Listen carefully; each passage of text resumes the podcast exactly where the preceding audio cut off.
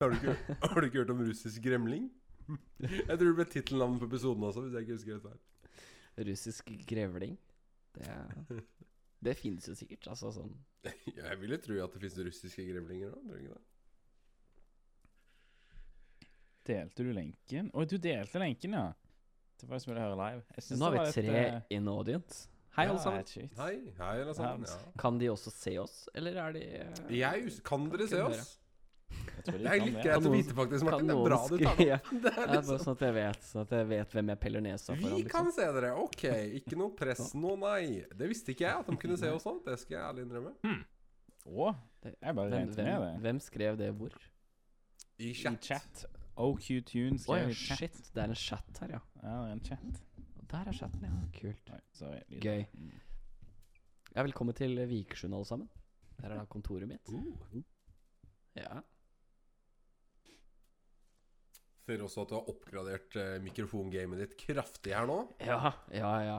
Jeg gikk jo fra liksom den forløperen til, eh, til den eh, Oddvar har. Eh, den eh, snowball-mikrofonen til Blue. Eh, den eh, sånn i, den, den høres ut som papp i forhold. Det er jo Mhm. som å snakke inn i en boks. Den mikrofonen Oddvar har nå, den hørtes ut som papp i forhold. Nei, Ja. nei, nei. nei. Den, den, den, den billigversjonen av den oh, ja. Oddvar har. Å ja, jeg bare kjøpte den jeg fant. der. Er det forskjell på de? Nei, nei, Nei. nei. Det er ikke det. Ikke det nå, i hvert fall. Sorterte på pris, og så tok man den høyeste, og så Nei, jeg vet du. Jeg, jeg, jeg syns det morsomste med å ha studiemikrofoner, er jo å snakke som Johan Golden. Er jo den der, Når han er leser opp Jeg vet ikke om dere har hørt det, når han leser opp nyhetssaker. Ja. Mann landet på månen! Det er liksom Det er den. Jeg elsker den, den tonefallen der. Den, den er liksom Den er krev. Jeg tror jeg skal lure inn et par sånne når vi leser opp nyhetene i dag. Bare fordi det er Ja, så Ja, det er det. Ja, jeg tenker det.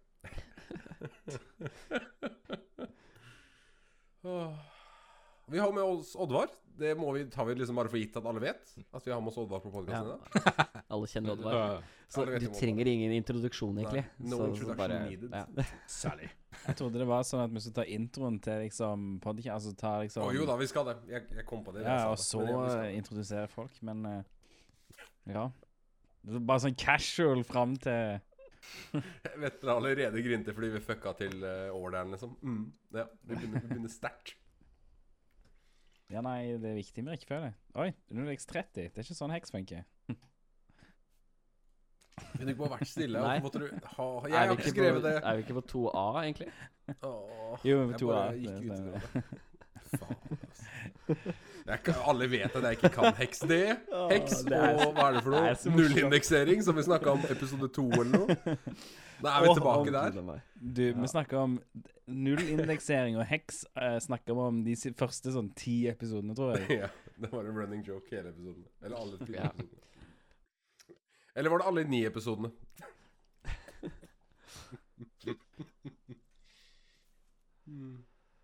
Ja, skal vi kjøre på med innledning og greier? Vi kjører på. Hit it.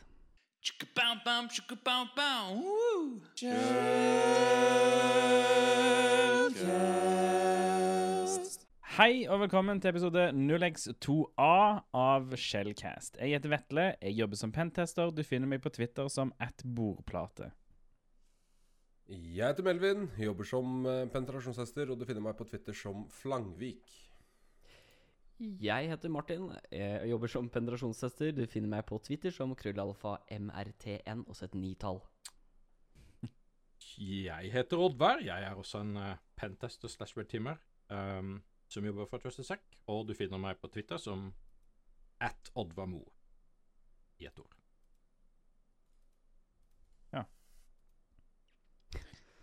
Ja, eh, siden du er gjest, da, kan ikke du fortelle litt, eh, fortelle litt om deg sjøl?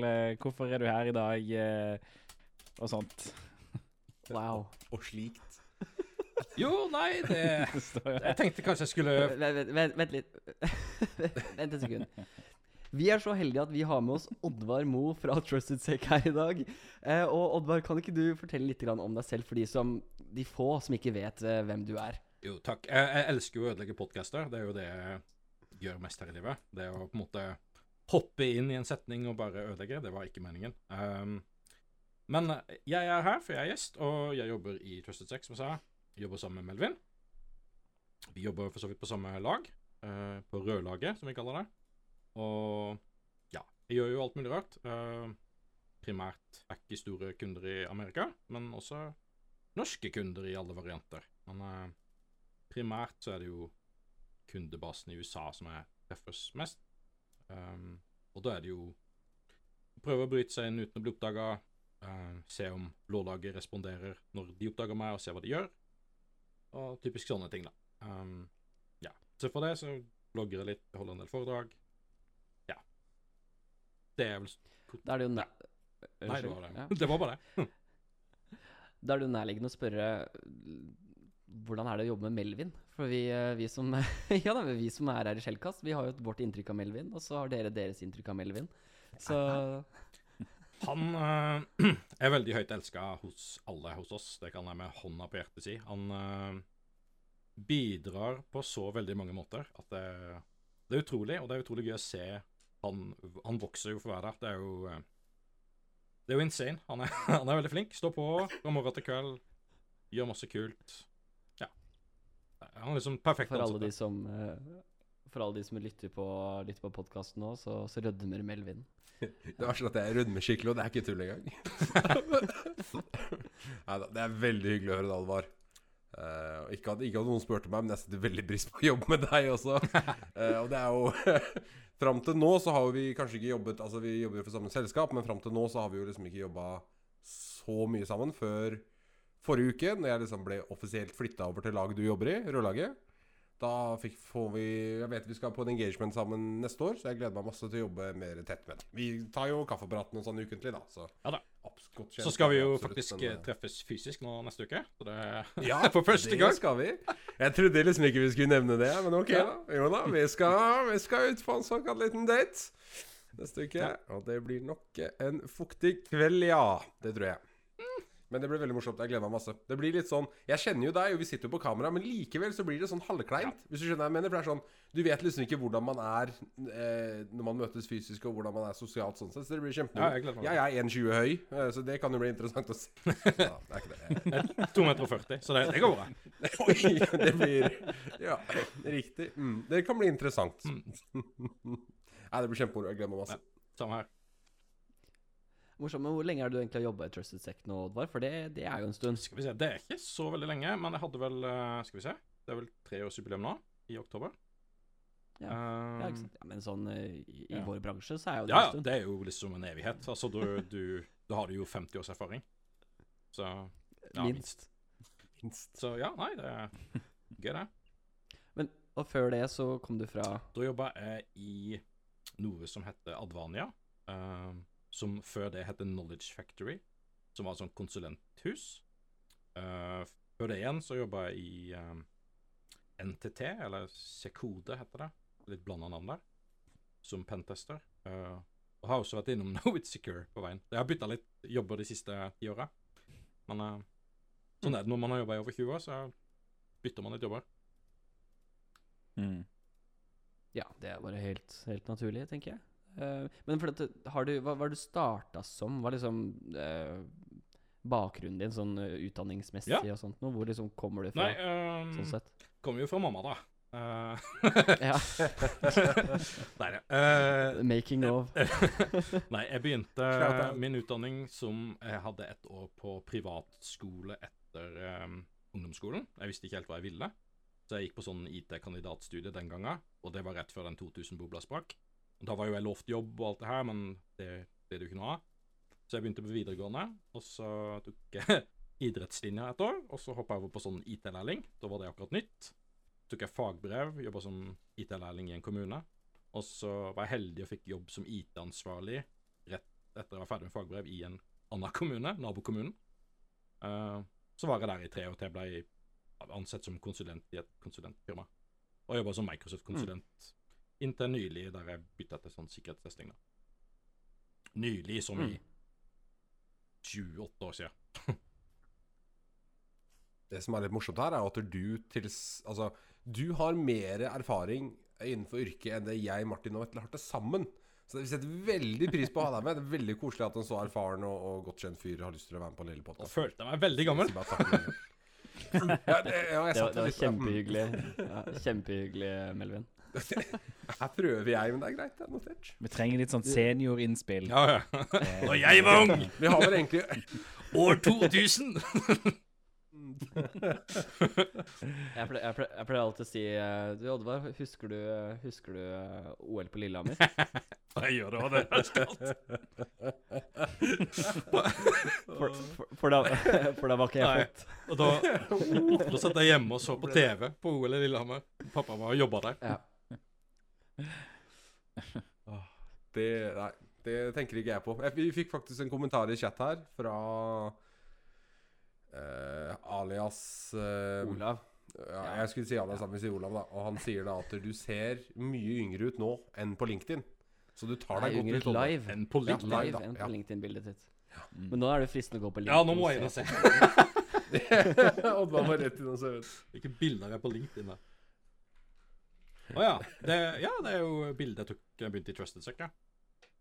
Jeg har vel kanskje Vet ikke. Fram til den tida der så jobba jeg veldig mye, så jeg så kanskje litt sliten ut. ok?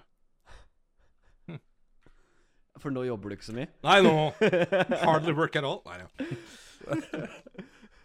Nei, jeg jobber masse, men jeg har vel kanskje Jeg reiser ikke så mye lenger. Eh, jeg tror kanskje det er noe det gjør med helsa mi. Sånn Jeg har tid til familien, jeg har tid til å være hjemme. Jeg finner liksom en fin balanse på jobb og fritid. Så jeg vet ikke. Jeg tror kanskje det gjør noe. Når du har vært konsulent i mange år og drevet og reist rundt til kunder og farta mye, så blir du litt sliten av det. For det er litt morsomt når vi, når vi gikk inn i sånn koronakrise her i Norge, hvor plutselig alle endte på hjemmekontor, så, så så vel du deg bare rundt og lo. Ja. Jeg gjorde egentlig det. Litt sånn What's the issue? Nemlig. Nei, men morsomt. Nei, men Gøy å høre litt grann om eh, liksom, bakgrunnshistorien din. og sånt. Nå, som Melvin sier, det er morsomt å ha deg med. Eh, skal vi bare hoppe videre til eh, neste topic? Ja, det kan vi Og det er War Stories, er det ikke det? Det er War Det er så lenge Stories. siden jeg har vært med. Å, gud a meg. Det er jo, Jeg vet ikke hvor mange episoder der, er, ja, men det, er det ti pluss episoder jeg ikke har vært med? Så jeg er litt rusten.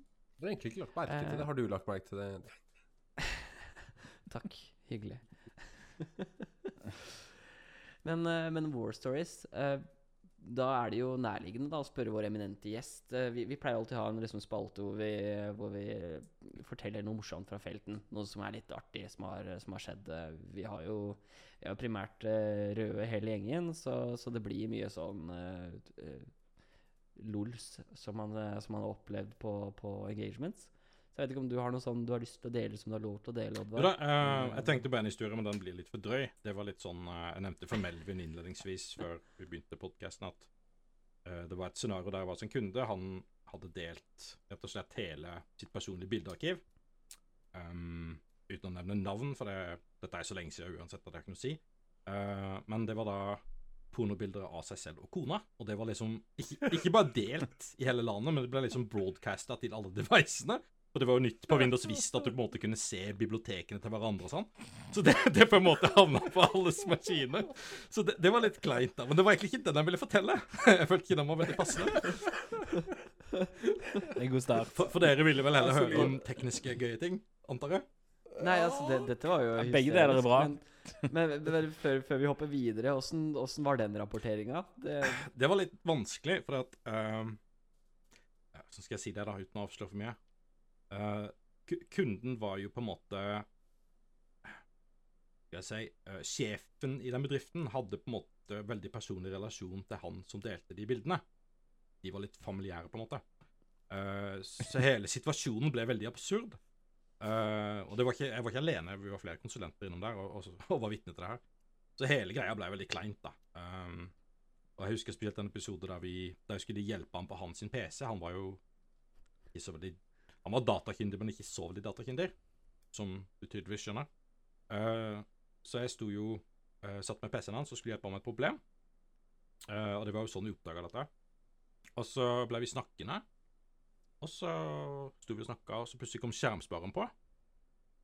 Og hva kom opp? Jo, det var jo de bildene, da. så det ble en sånn veldig awkward silence. I tillegg så bevegde jeg musa veldig kjapt, for jeg så jo hvor det var. Men den sto og hang, det der bildet, så lenge at han skjønte at jeg så det. og jeg- Ja, det ble bare veldig rart, da. Så jeg tror det var den mest awkwarde situasjonen jeg har vært oppe i kanskje i hele min karriere. For da hadde den derre skjermsparer sånn derre Ja. fra mitt bildegalleri. Helt riktig. Å, Gud. Det var skikkelig kleint. Er Men han reagerte Ja. ikke på det, så det Nei, det Det er det verste med å hjelpe folk med datamaskiner, faktisk. Å hjelpe folk som ikke har peiling. For de har bokmerker som du ikke har lyst til å se, og de har ting rundt omkring på datamaskinen som bare er sånn ah, la, meg, la meg la være. Det er quick access til Windows, blant annet. Noe av det verste. Ja. Som viser liksom recent files og sånt. Jeg vil ikke se det. Jeg har virkelig ikke lyst til å se hva random shit folk har på eh, enhetene sine. Åh, Browserlog, no thank you. no, no, thank you. Sånn dump, dumpet DP-API, og det er kun pornosider.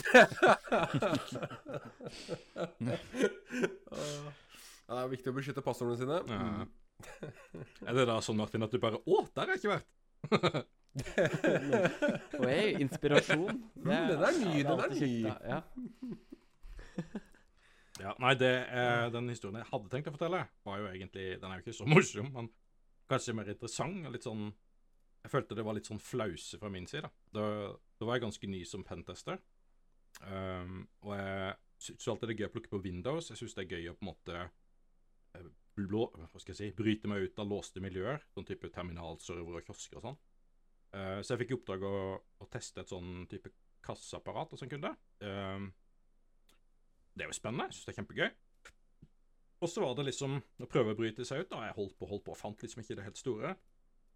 Til slutt så fant jeg en måte å bryte meg ut på. De de hadde glemt en sånn derre teit eh, keyboard shortcut på Ja, hva er det det heter, da? Eh, ikke Windows-tasten, men den andre hurtigtasten på sida av kontrollen på høyre side. Som får opp en sånn liten minimeny. Um, og der var det da en Windows Defender-boks jeg kunne gå inn i, og derfor kunne hoppe videre ut og inn i Notepad og masse styre og show. Så jeg, jeg fant jo masse. Og så var det litt sånn ja, Det var litt rart, for jeg kunne liksom gjøre så mye mot serverne. Så, og jeg skulle liksom være innlogga som en kioskbruker og alt det her. Men iallfall, jeg fikk ikke til alt jeg ville, så det ble, og det var litt sånn begrensa med tid til mitt forsvar. Uh, så det ble en rapport, og så ble den levert, og uh, kom tilbake for å reteste de tinga vi fant. Og så fikk jeg lov til å få litt mer tilgang. Nei, de hadde ikke klart å fikse det. Så jeg fikk lov å teste en gang til, og så hadde jeg tenkt litt på det her siden liksom, sist, og jeg hadde et par tester innimellom, så jeg hadde liksom plukka opp litt mer triks. Uh, og da fant jeg ut av det at uh, alle brukerne, dvs. Si domain users, var jo da medlemmer ikke domenadministrator eller noe sånt, men de var medlemmer built-in administrators group på domenekontrollene. Så effektivt så hadde du egentlig DA. Så alle kioskene i det her konsernet, da, det er et ganske stort konsern, hadde da i utgangspunktet DA. Uh, det som var flaut for meg, var at ikke jeg fant det, og kundene ble jo fly forbanna at jeg ikke klarte å finne det på første testen. Så jeg vet ikke, jeg bare syns det var så perfekt storm av mange ting, da. Eh, og jeg syns det var så et morsom, morsom find, og det var liksom sånn De hadde hatt inne mange testere før òg, de har liksom aldri sett det engang. Uh, så det var, jeg var veldig sjokkert at ingen hadde sett det, og jeg var veldig sjokkert at jeg var den som fant den. Og jeg syns jo det var gøy, men samtidig veldig rart. Uh, at de hadde en så opplagt flause i systemet sitt. Dette var en stor, ja, seriøs aktør innen kasseapparater. Så kan dere tenke på den. Men altså, det er jo, dette har man jo sett flere ganger, dette med at man har brukere i built-in administrators eh, som man tenker at det ikke er så ille som domeneadmin, og så er det liksom the same.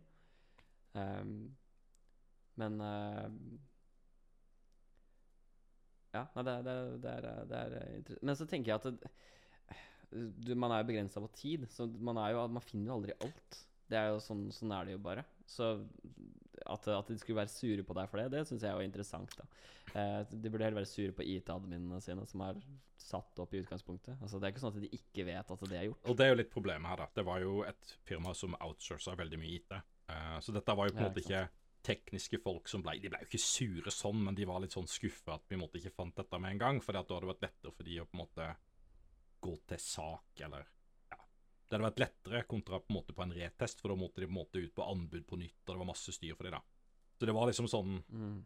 Ja. Det var litt kjipt for de, men eh, ja. Det er bra du fikk retest, da. da.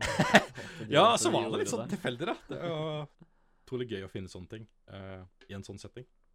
Uh, så de, jeg viste det, og så var det jo bare full stopp. Da må, måtte jeg jo bare Da kan du ikke teste mer nå. Da, du, da må vi bare stoppe.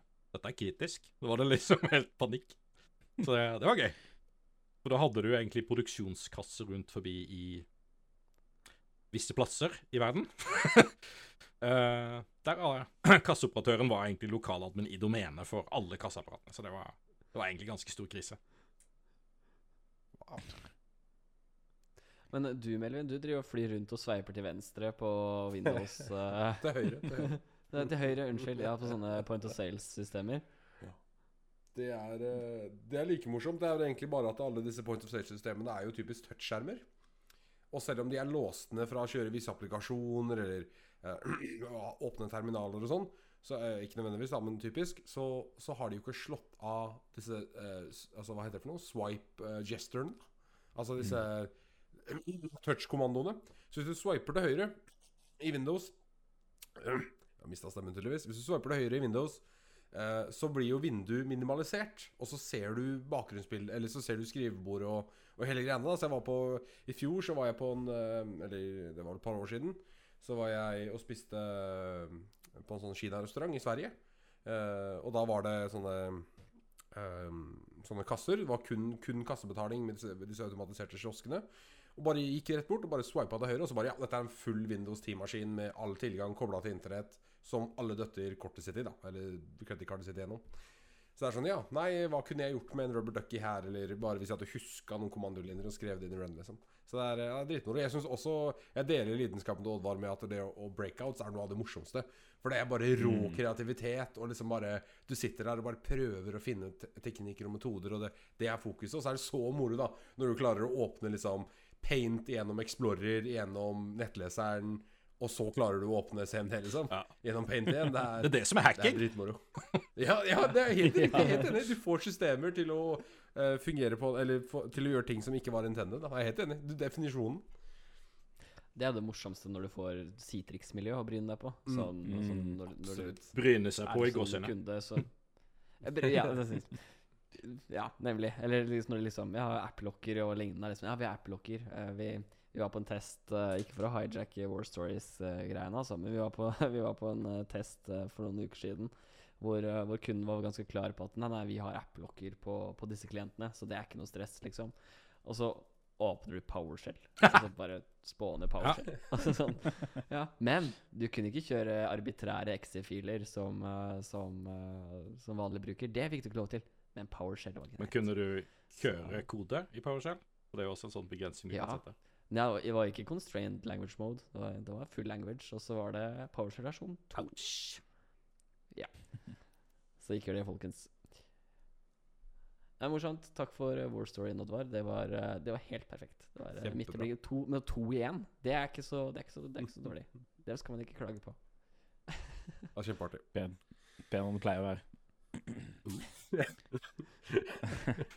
så hvis, eh, hvis noen lyttere har en war story de vil dele med oss, så, eh, så tar vi gjerne imot det. Altså. Det er lov til å dele både anonymt og uh, nymt. Eh, send det til podcast.5og3level.so, eller eh, ja, Discord eller whatever.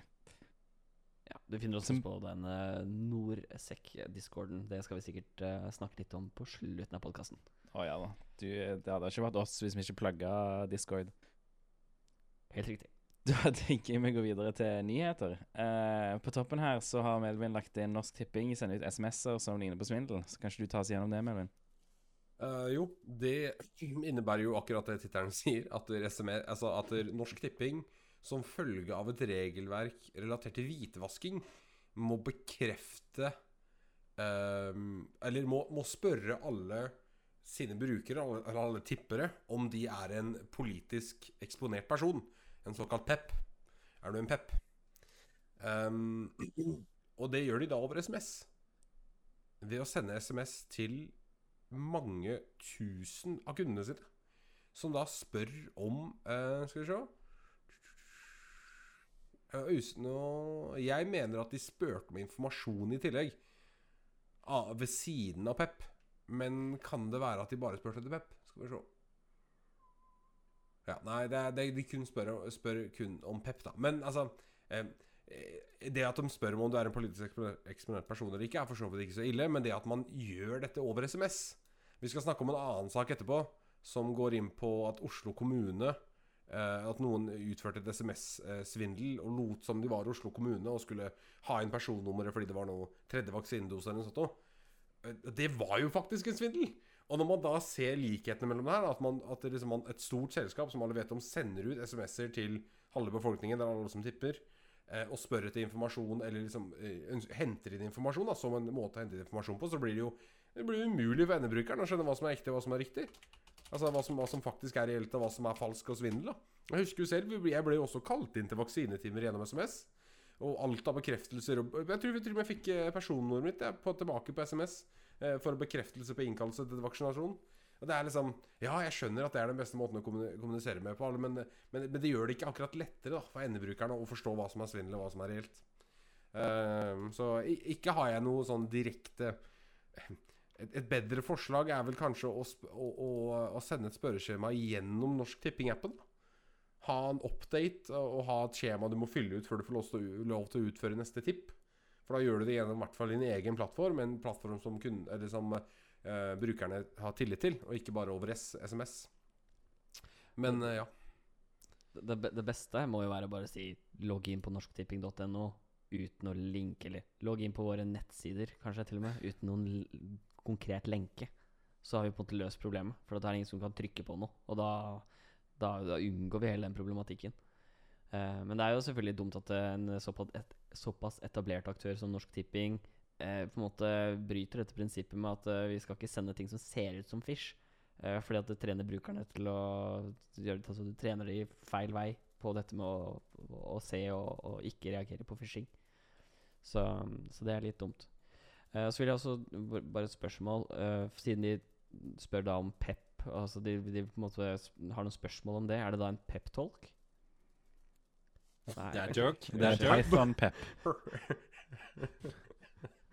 Oddvar tok den. Ja, ja. Gammel dad, Det det, er, det er derfor. ja, ja, nemlig. Det er, det er oss fedrene eh, som uh, Setter pris på sånn god humor. ja. In, internt i TS så er Oddvar kjent for dad jokes.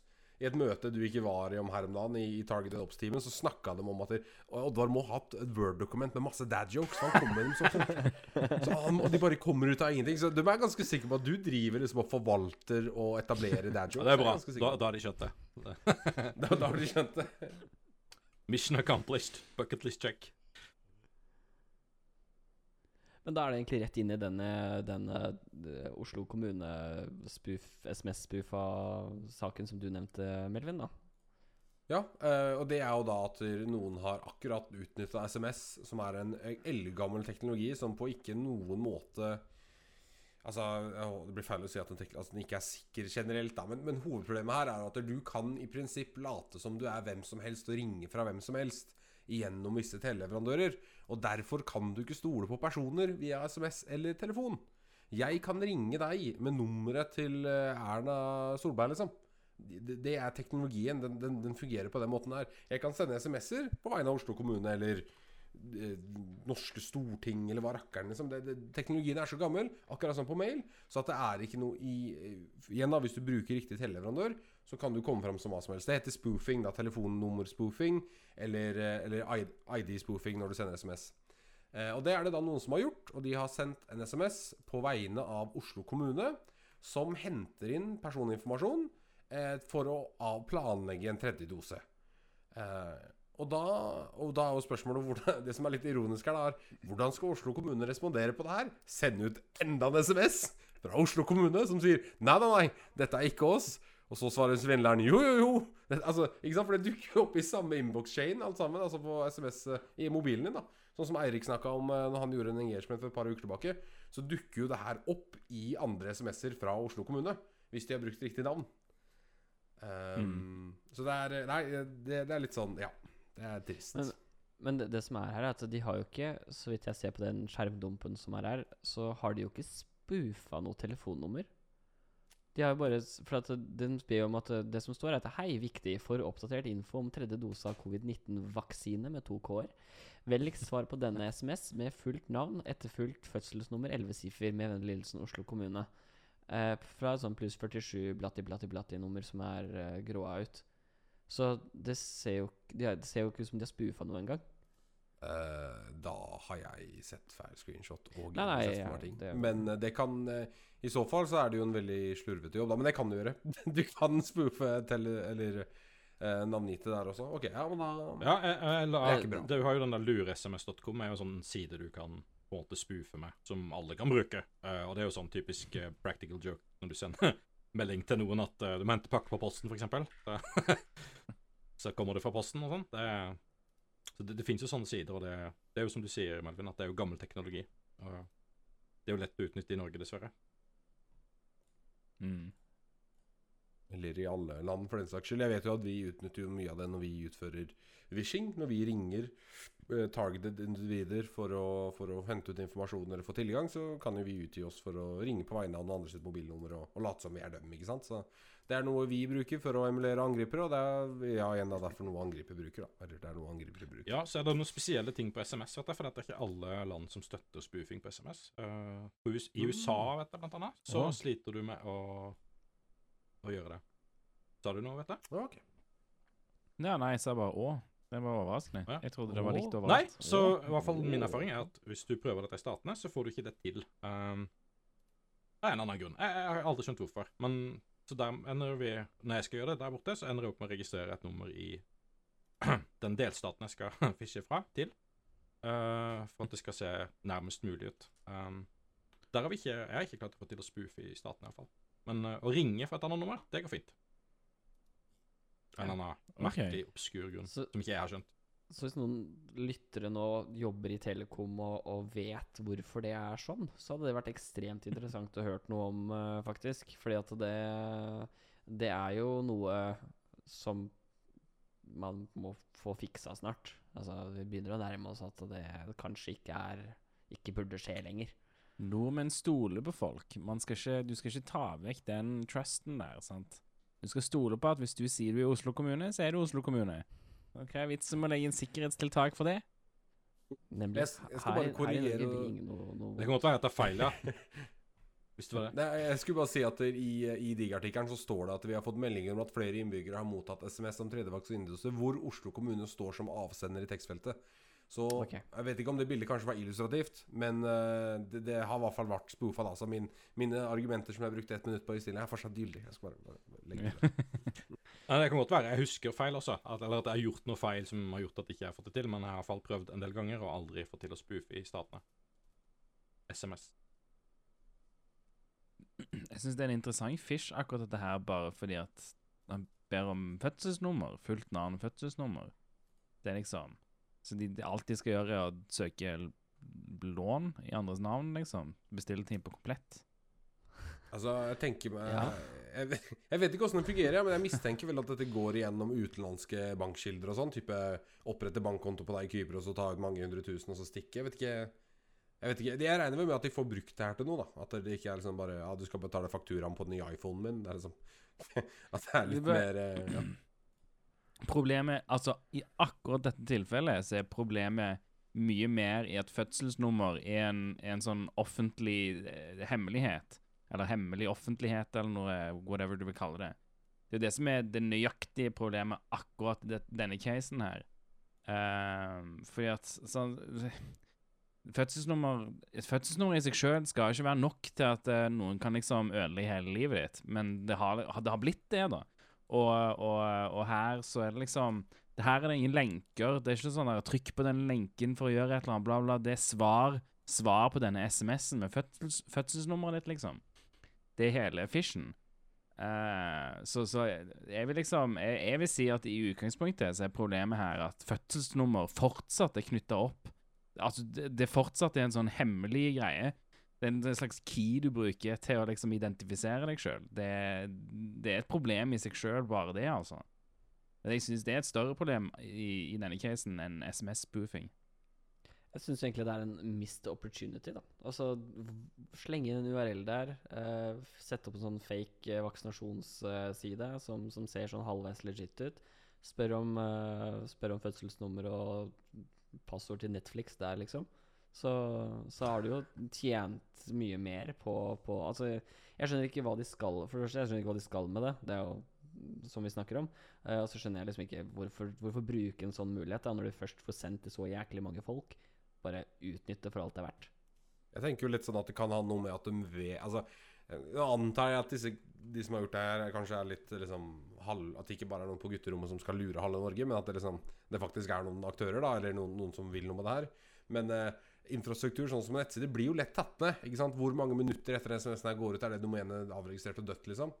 Eh, Det er kanskje vanskeligere å stoppe utgående SMS-er til det nummeret. Nummeret kanskje er registrert i utlandet. Hvordan skal de stoppe det? At det er en lettere måte da å samle informasjon på. Men jeg ser jo greia hvis du skulle Altså hvis du skal ha informasjonen fort, og, og du ikke er redd for å, å hva skal jeg si, at informasjonen blir tatt, drept eller tatt ned, så ja Logg inn på banken, en mobil her, whatever. Det har faktisk blitt delt eh, på, på Skjellkast-discorden nå, så, så har Olav delt eh, en side på Datatilsynet sin nettside som heter, heter Fødselsnummer. Eh, der står det et fødselsnummer er et ellevesifret identifikasjonsnummer. Alle som er folkeregistrert i Norge, har et fødselsnummer, og nummeret regnes ikke som en sensitiv personopplysning og er ikke taushetsbelagt. Eh, Men, men Og- det er forskjell på fødselsnummer og personnummer. Fødselsnummer Nei. er de nei, de, de, de sier jo ellevesifret, så de, okay, mener jo, de, de mener jo personnummer, da. eller- Identifikasjonsnummer. Og det er ganske interessant, sen, for sen. for at i, eh, hvis du leser Datatilsynet, så er også ting som fagforening det er en personsensitiv opplysning, men ikke personnummer. Mm. Det er jo sånn ok. Ja, det, nei, eh, Jeg skjønner jo det, da. Den sier jo noe om affiliation, mens fødselsnummer sier jo ikke noe om deg som person, bortsett fra kjønn i de siste sifrene. Og det er jo sånn eh, en ting jeg lærte nylig, var at uh, i Norge så er det jo fire forskjellige instanser som er godkjent av Datatilsynet til å gjøre sånn bakgrunnssjekk på finansinformasjon. Så når du søker om lån og sånn, så, så er det fire stykker som kan gjøre det. Bisnode, Every og to til. Jeg husker ikke navnene på de. Uh, og der er det sånn automatisk satt opp for alle eh, norske innbyggere at det blir automatisk godkjent når noen forespør den informasjonen. Uh, Ut ifra det jeg har forstått, så kan du logge inn på de fire forskjellige, så kan du slå det av. Da er det ingen som på en måte kan ta identiteten din og misbruke det for å søke om lån, fordi at det vil bli avslått i det øyeblikket de gjør en kredittvurdering. Uh, ulempa er at hver gang du skal gjøre noe selv, så må du huske å logge inn der og slå det på. Men igjen, da, det er en liten pris å betale. Så det, det lærte jeg nå for en ukes tid siden, så jeg, jeg vil nå gjøre det selv. og teste. For, det er jo litt sånn som de har gjort eh, For i USA så har du dette med Ja, du må logge inn på Eller du må registrere deg hos hver enkelt. For rett meg hvis jeg tar feil her, men er ikke det sånn kredittkorttilbydere eller et eller annet sånt noe? Uh, hvor man på en måte må si ifra at det liksom ikke Eller er det tax return eller et eller annet sånt noe? Ja, Nå husker jeg ikke hva det var for noe. Men der er det i hvert fall at du må gjennom en sånn prosess. Da, for, eller du bør gå til alle tilbyderne, og så er det x tilbydere av, eh, av den tjenesten. Og så bør du på en måte disable Jeg lurer på en kredittkort eller noe sånt noe. eh, som man på en måte kan, eh, kan skru av, da. For ellers så er det i hermetegn trivielt å på en måte få ut whatever på, på personen. Um, men det er interessant. Jeg har liksom aldri opplevd at kredittsjekk Jeg tror ikke jeg har opplevd at kredittsjekk har skjedd uten at jeg ønska det. Men det er klart, nå er ikke jeg eh, interessert, altså interessert altså, mål for det, da. Hver gang eh, Jeg syns jeg blir spamma med de hele tida. Hver gang man velger Jeg liker jo å velge fakturabetaling på nettløsninger Ja, ja. og sånn. Da er det jo en million forskjellige sånn distributører av faktura. Da får jeg alltid en sånn kredittsjekk har blitt utført i posten etterpå. Waste av papir, forresten. Men eh, eh, Ja, nei. Det er det eneste jeg ser. Også når du tar billån og kredittkortlån og her står det faktisk at eh, fødselsnummer 11 siffer består av fødselsdato 6 siffer og personnummer fem 5 siffer. Så fødselsnummeret har det kombinert. Bra. Siden vi Ah, holdt på å diskutere det, så har vi da alt på det tørre. Mm. Ja, også, nei, men eh, Vi legger den her i shownotes, kan vi ikke det? Og så kan folk få lov til å lese så mye de bare orker om fødselsnummer, uten at vi skal sitere hele greia. Boom. Skal noen fikse den URL? Takk. Da hopper jeg bare videre. Jeg bladde gjennom Digi, og så var det en overti overtittel, faktisk. Eh, en, en headline. En uh, ja tittel, takk, som, som het eh, 'Nesten alle sikkerhetsledere vurderer outsource IT-sikkerheten', sier Trend Mikro i en alarmerende rapport. Ja, det var for så vidt ikke det som kanskje sjokkerte meg mest. Det høres ikke ut som verdens dummeste det alltid. Uh, men, uh, men det som jeg beit meg veldig merke i, var dette med at uh, de, har en, de har gjort en undersøkelse blant eh, 2303 beslutningstakere i 21 land, hvor samtlige av virksomhetene har omfattet Altså har 250 ansatte eller flere. Og det de finner ut da, er at 51 sier at eh, de, mange av de overvåknings- og sikkerhetsverktøyene de har på plass, ikke lenger benyttes. Uh, og så Før vi kommenterer det, så har jeg lyst til å ta neste også. Uh, I gjennomsnitt altså i gjennomsnitt hadde virksomhetene som deltok i undersøkelsen, 29 sikkerhets- og overvåkningsverktøy på plass. 29 i snitt. Altså, I snitt? Kan, kan noen nevne 29 sikkerhets- og overvåkningsverktøy sånn på rappen, liksom? Det, Nei. Det kommer an på Nei, men jeg, jeg guess det kommer an på hva du liksom sier er et sikkerhets- og overvåkningsverktøy, da.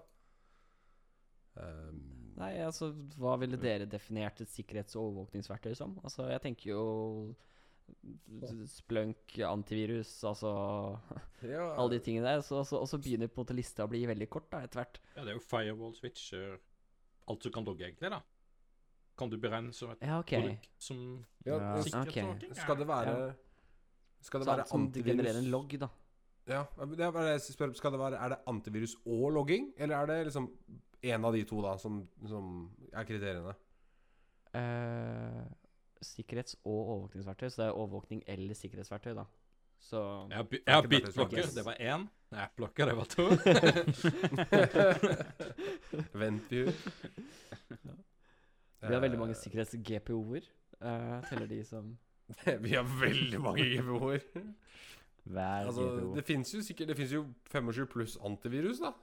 Men ja, altså Ja, Så sier de store bedrifter med mer enn 10 000 ansatte hadde 46 verktøy i snitt. Så det øker jo bare. Altså, eh, jeg kan ikke tenke meg hva som Fortune eh, 500 har for noe. Det må være, De må ha hundrevis av verktøy.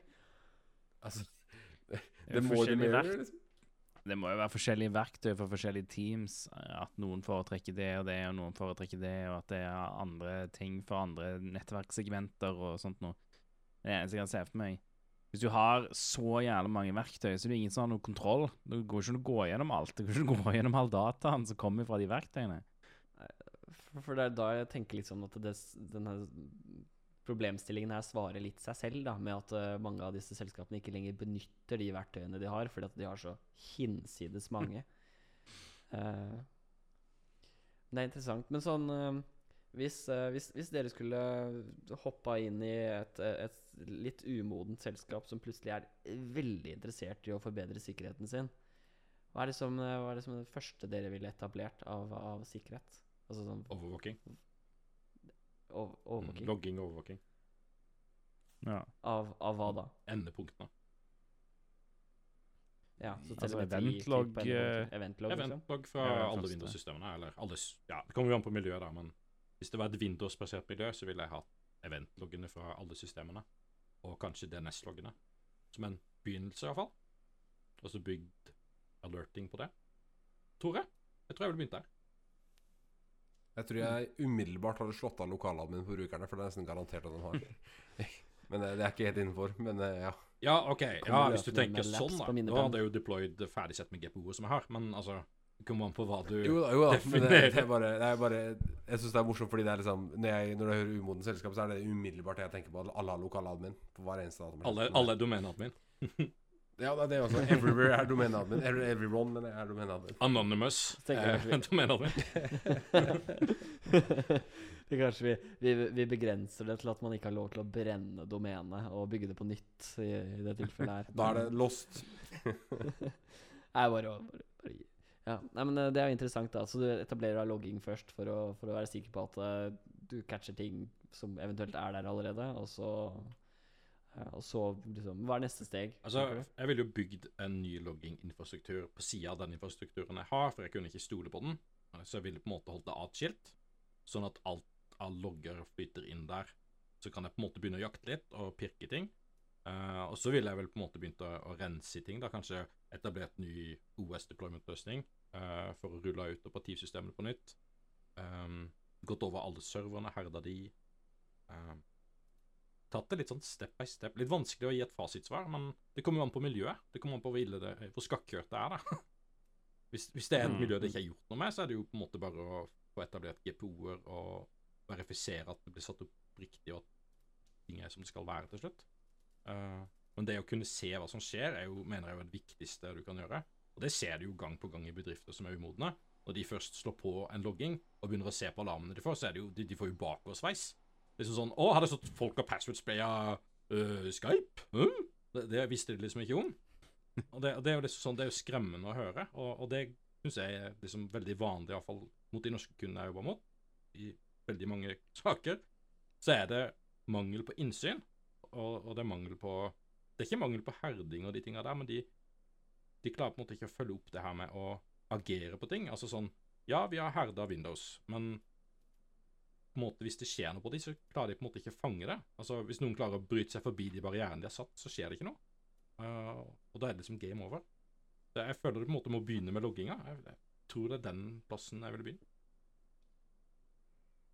Ja, det tror jeg eh, Det tror jeg mange er veldig enig i, faktisk. Logging, Mm. er, logging er key. Men det, det, men det gjelder jo òg for selv uansett om det er sikkerhet eller ei. Logging er jo kjempenyttig, bare om du vil debugge feil i et miljø òg. Det er der liksom ofte sikkerhet uh, treffer Altså det, det å jobbe ting som er bra for sikkerhet, treffer òg ofte det liksom det operative, der du skal liksom Hvis du trenger Når man trenger hjelp med det operative, på en måte. Så logging eh, Definitivt.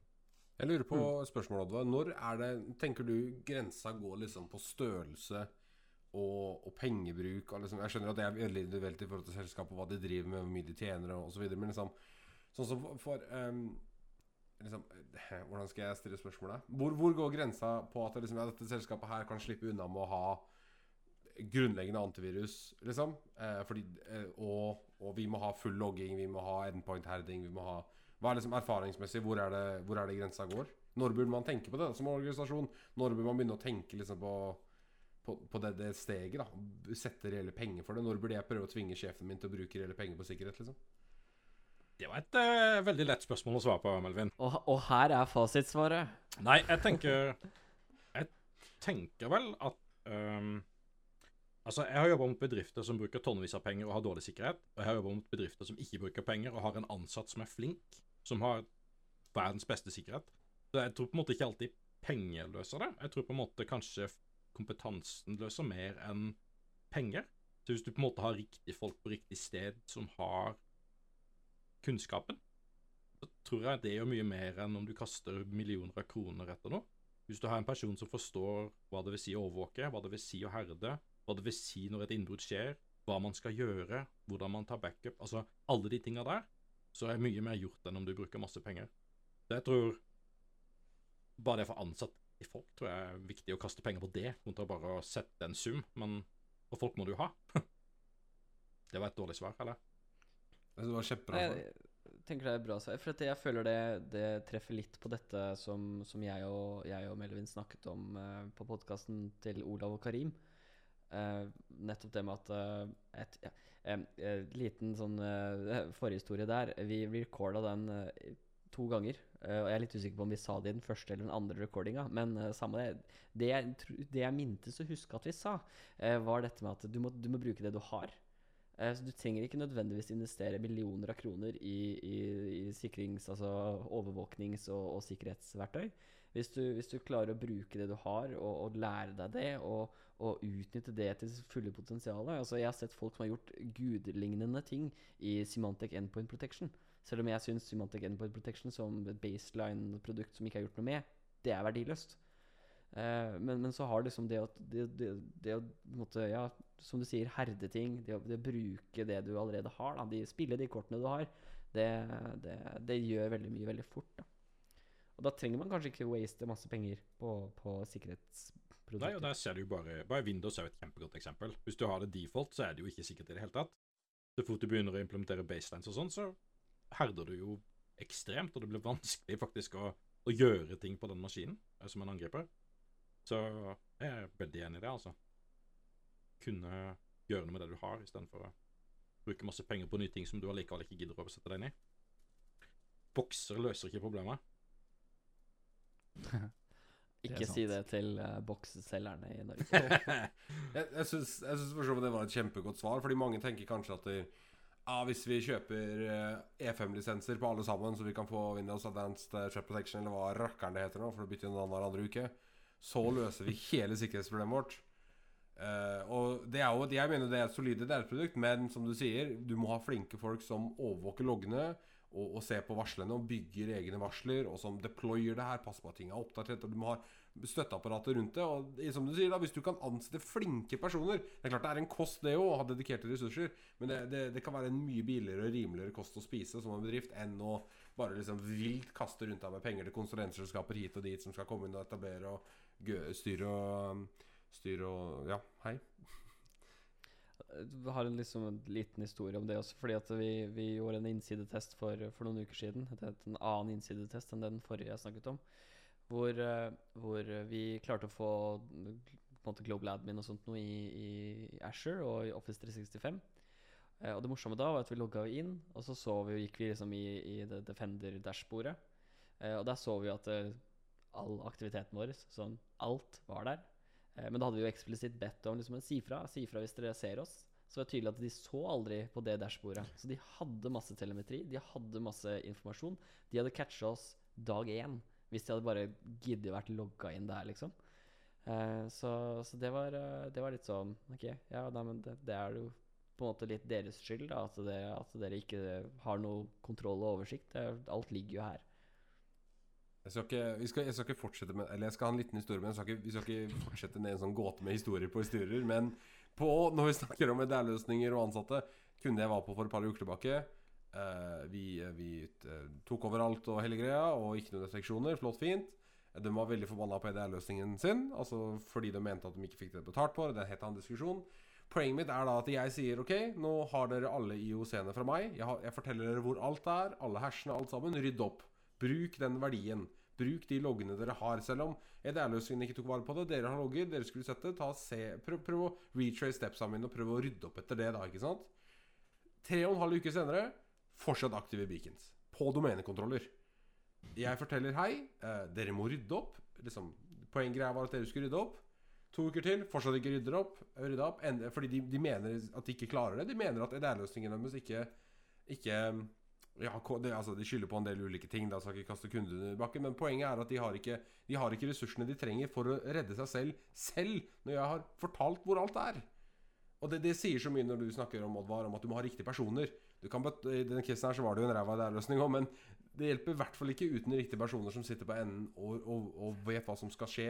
Vet hvor du vet hvordan du skal håndtere en, en eh, initial compromise og, og håndtere responsen og hele pakka. Da. Så ja, jeg syns det, det er veldig bra. Jeg tror det er noe, noe veldig mange norske bedrifter må bli flinkere på. Å ha flinke, dedikerte ressurser på det. Jeg, jeg tror liksom Tilbake til det da at hvis du får en alarm på Elsas-dumping, og ikke du vet hva det betyr engang, ikke sant, da har du tapt. Altså, du, du må på en måte ha et forhold til hvilke alarmer som går, og hva, hva du skal gjøre. Du må forstå det, eller så er du Det hjelper ikke om du har verdens beste løsninger, for det, alarmene vil gå en dag, og det er ikke alltid EDR-en klarer å stoppe alt, eller Windows Defender ATP, eller hva som helst.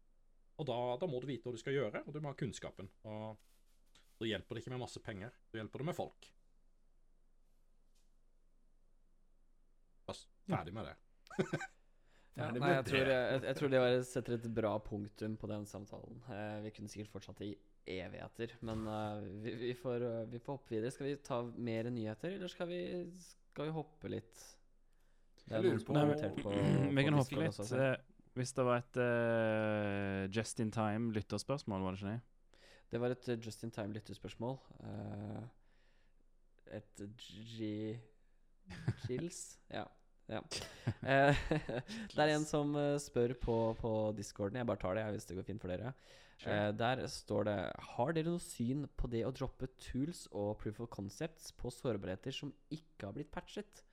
Eh, også litt sett i lys av at det ser ut for meg å være en trend med at det er litt mer vanlig å inkludere detection-metoder slash signaturer. Ja. eh, altså, det er ikke så vanskelig å ha noe mening på det. det er sånn, som en sånn general uh, rule of thumb, så, uh, så skal man ikke slippe exploit for sårbarheter som ikke blir patcha ennå. Synes nå jeg. Eh, du sier fra til leverandøren som har problemet, og så gir du dem minst 90 dager eh, på å patche det, tenker jeg. Det er, liksom, det er liksom den enkleste regelen. Du klarer å gi noen eh, 90 dager, på en måte. Hvis de er vanskelige, og hvis du hater de, så, så greit. Jeg skal gi det, liksom. Det, det kan gå greit. Men sånn, Ja. hvis, det, hvis det er et selskap du er nøytral til, som du ikke bryr deg så mye om du, det, det er de, liksom. Gi de 90 dager. Er det så vanskelig, liksom? Men Hvis det er et skikkelig ræva selskap, hvis det er en gjeng med nynazister Slipp sårbarheten. Bra, liksom. Det Vetle prøver å si, at du skal følge moralen din. Følg moralen. Ja, Ja, men, nettopp. jo jeg har selvfølgelig for at vi skal hacke nynazister, men på, eh, det jeg ville si, var at det, eh, ja, du har helt rett. Man skal approache leverandøren av produktet og presentere det man har funnet. Og så forventer man en viss profesjonell håndtering. Noen ganger så får man ikke respons. Andre ganger, som jeg har sett flere researchere på Twitter poste nå eh, Jeg tror det var postet, så er det, jeg tror det var to tilfeller med Apple. Der hvor de har kommet sikkerhetshull til Apple. De har, de har gått langt over tida. De har, de har liksom ikke sagt, ikke sagt noe, og så bare silent patcher dem det. Uten å gi dem bounty, uten å gi dem credit, uten å acknowledge at det var et sikkerhetshull i det hele tatt. Og jo flere store selskaper som gjør det, jo mer mistillit blir bygd mellom disse flinke bug bounty-folka og researcherne. Og jo større sannsynlighet er det for at det her driter jeg jeg dropper den. Da får jeg, da får jeg Om man ikke selger den til noen på off- offhand, liksom, eh, så, så får man i hvert fall noe recognition tilbake for det, og Twitter followings og whatnot. Ikke sant? Og det ser vi jo mer av. Uh, og det er synd. Og jeg sier ikke at vi er perfekte alltid, og jeg sier ikke at det liksom hver eneste sikkerhetsresearcher der Jeg hadde jo jeg hatt flere som liksom bare har droppa ting uten grunn. Men jeg syns jeg ser mer og mer av det. Av store selskaper som sitter på pengebingen, ikke har lyst til å betale for sikkerheten som er funnet, og ikke har lyst til å acknowledge det, og bare silent patcher det, skjedde aldri. Eller Microsoft-versjonen da som er at dette er ikke en sikkerhetshull, no fix. To uker etterpå silent patcha, patcha oi, da slapp vi å betale hverandre, liksom. Uh, mye av den. Ja, nei, jeg ser, ser mye av de der eh, misforståelsene uh, Mye sånne misforståelser der, uh, der det gjerne er nye researchere som, uh, som ikke er så flinke til å skrive ting, og så er det selskaper med folk som eh, har Altså så folk som ikke har peiling. Folk som får inn eh, vulnerabilities som de ikke forstår hvordan funker. Det er en god kombo av det, tror jeg, i mye av det. Du, nå er det jo så det er jo så i vinden å drive med sikkerhet og drive med liksom bug bounties og sånne ting, at det er veldig mange som flokker til, og som, uh, som Det er mange som kommer med bullshit-rapporter, som bare kommer liksom en cracka Nessus-scan, og så uh, submitter de det, og så er det sånn ah, gi meg bounty, liksom. Det er mye. Eh, og, og jeg tror det Jeg tror fordi at det er en sånn stor masse av folk som bare submitter bullshit, så de som, de som gjerne er litt nye, de som uh, submitter ting som Det er ikke så godt skrevet som liksom en, en, eh, en betalt for pentest-rapport, liksom. Så det mikses litt med de som, de som kommer med bullshit, og de som kommer med ordentlige greier. Det- jeg, jeg synes at det ser ut som det er mye miskommunikasjon der.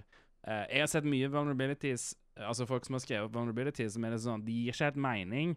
Jeg tror du har en vulnerability et sted inni der, men han funker ikke sånn som du beskriver han. Uh, men det må fortsatt gjøres noe med, og så gjøres det noe med, og så Ja. Det er, det er mye rart i bug bounty i verden for tiden. Jeg tenker ehm, at vi som individer da, burde være profesjonelle og forholde oss til de 90 dagene så mye vi kan, og være gode forbilder til de som kommer.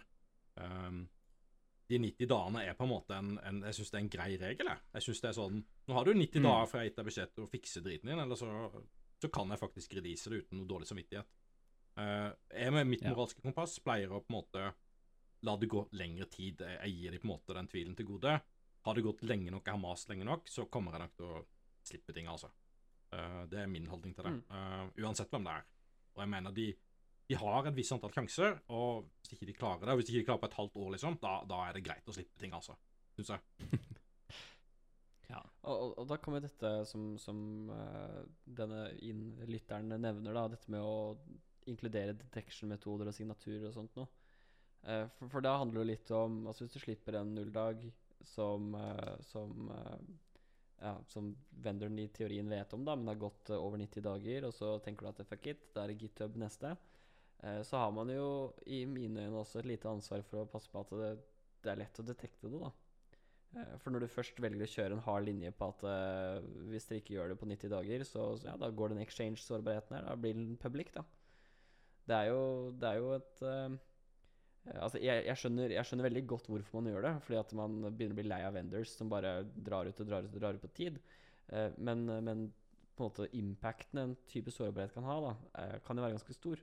Og påvirke ganske mange andre selskaper som er helt uskyldige i, i dette her. Så, men, så, så sånn sett så tror jeg at det å være også snill gutt og, og, og, og slippe detection-metoder også Kan jeg se for meg å slippe detaljer uten å nødvendigvis avsløre eh, nøyaktig liksom pukk. Eh, her er Python-skript, liksom, så har du domenadmin. Altså, det kan være greit å, å unngå de. Så kan du jo snu på det, da. Hvis du lager en deteksjon, hvor mange tar faktisk i bruk de deteksjonene? Ja, men da har de gitt en sjanse. Ja, det har du. Men du har gitt en sjanse når du releaser koden òg, for de kan også trykke seg gjennom og se hva som skjer i sitt miljø, for å verifisere og lage signaturer. Så det er jo, det er jo litt vet ikke, ditt eget ansvar å beskytte seg òg, eller?